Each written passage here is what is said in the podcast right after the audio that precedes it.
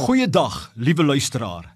My naam is Kobus Tron en u is ingeskakel by die program Meer as oorwinnaars. Ja, met my hele wese glo ek daaraan dat die Here God sy kinders wil help om meer as 'n oorwinnaar te wees, te word en te bly in elke area van hulle lewe.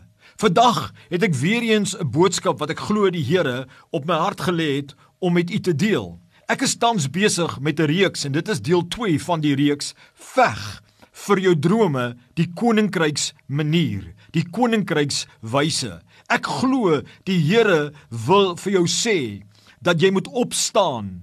Al is jy, al voel jy jy's uitgeslaan in 'n bokskruit van die lewe, wil die Here vir jou sê, staan op, skud die stof af van jou, skud jou kop oop, maak reg en veg vir die drome wat die Here vir jou gegee het, want die Here sê hy is met jou.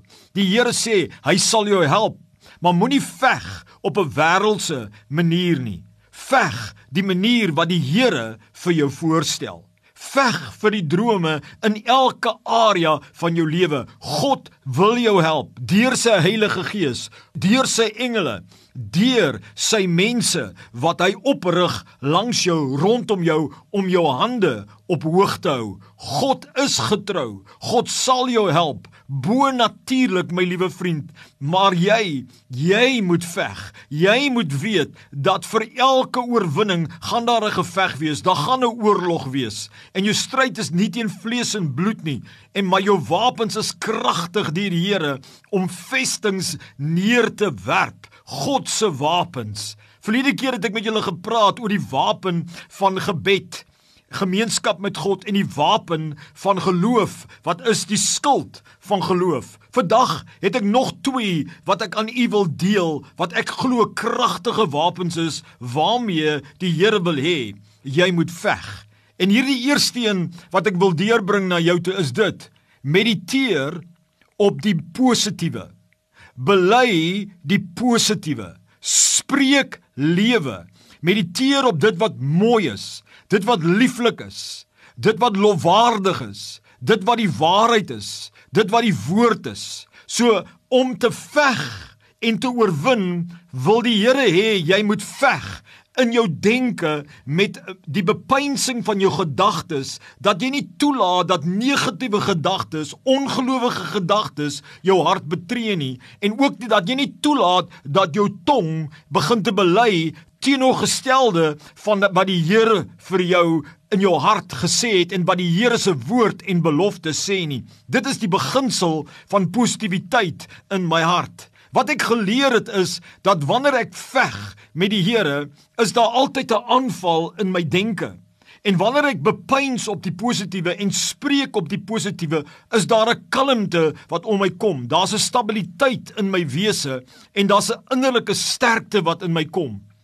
Maar wanneer ek toelaat dat negatiewe gedagtes my besoedel en ek bely negatief, dan raak ek onrustig. Ek verloor my vrede. Ek verloor my emosionele stabiliteit. Ek begin swak raak. Ek begin negatief raak. Ek begin ongelowig raak. Ek begin hoop verloor. Ek begin liefdeloos raak.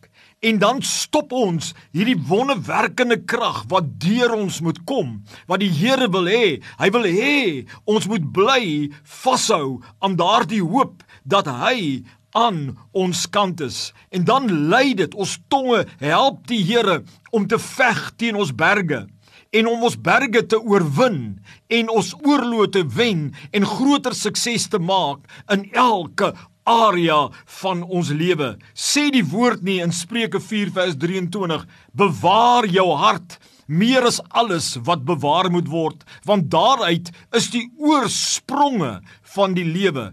So dis 'n kragtige wapen in die oorlog wat die Here wil hê. Net soos daai Romeinse soldaat 'n helm moes aansit wat sy kop beskerm het, so wil die Here hê ons moet mediteer op die mooi en daardeur ons wese en die uitloop van ons lewe beskerm. In Spreuke 18 vers 21 sê die Bybel: Dood en lewe is in die mag van die tong en elkeen wat dit graag gebruik, sal die vrug daarvan eet. My liewe vriend, die Here wil hê, staan op en veg.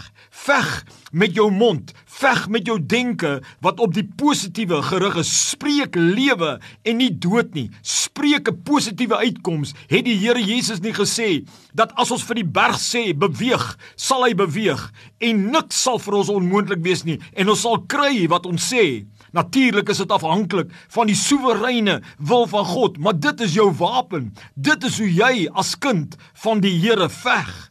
Maar my vriend, daar is nog 'n gevegs wapen wat die Here vir ons gee wat ek vandag op wil fokus en dit is om aan te hou om 'n goeie en getroue diens te lewe. Ek noem dit die beginsel van dienslewering. Jy weet baie kere wanneer mense in nood is en dit druk is swaar, dan is een van die eerste dinge wat hulle doen is hulle hou op om getrou te wees in hulle verantwoordelikhede, in die pligte wat die Here vir hulle gee in die rolle wat hulle aangestel is voor. En baie kere maak hulle dit vir hulle self net baie meer moeilik. Reg en hulle verloor eintlik meer want nou hou hulle op om 'n kwaliteit diens te lewer in plaas om te besef dat dit is 'n dienslewering wat 'n oorlogswapen is wat jou kan help om te oorwin. Sê die Bybel nie ons oorkom die bose deur goed te doen nie. Wat het gebeur dat Josef reg aangestel was. Hy het 'n diens gelewer.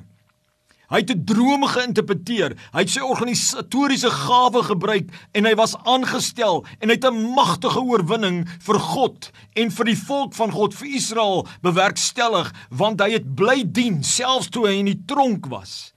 My liewe vriend, dit is 'n dienslewering waar promosie kom, waar die Here God jou vat na 'n volgende level toe. Sê Matteus 25 vers 21 nie en sy Heer sê vir hom: "Mooi so, goeie en getroue dienskneg, oor weinig was jy getrou, oor veel sal ek jou aanstel." Sê die woord van die Here in Spreuke 13 vers 4: "Die siel van die leiaard begeer en daar's niks nie, maar die siel van die vlytiges, die hardwerkendes word versadig. My liewe vriend, staan op en veg. Veg met gemeenskap met God, veg met die skild van geloof, glo.